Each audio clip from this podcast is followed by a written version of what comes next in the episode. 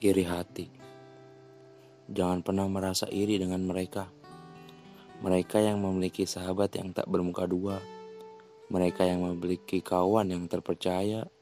Mereka yang berada di keluarga bahagia.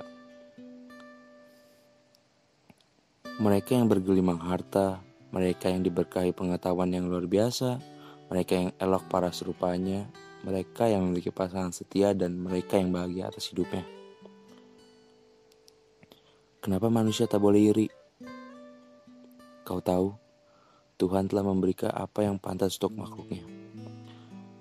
Tapi Tuhan juga tak memberikan seluruh kesempurnaan hidup pada ciptaannya. Karena Tuhan pasti memberikan suatu kekurangan pada hidup hambanya. Karena apa? Agar kita sebagai hambanya dapat saling melengkapi dan bersyukur dengan apa yang kita miliki. Namun, kenapa masih ada rasa iri hati dalam hati ini? Ketika tahu makna pemberian Tuhan, kenapa masih ada gejolak dengki di hati? Apakah hati ini terlalu naif dengan kebenaran makna itu? Bukan. Bukan sepenuhnya hati ini naif. Ini karena kita selalu ditemani envy.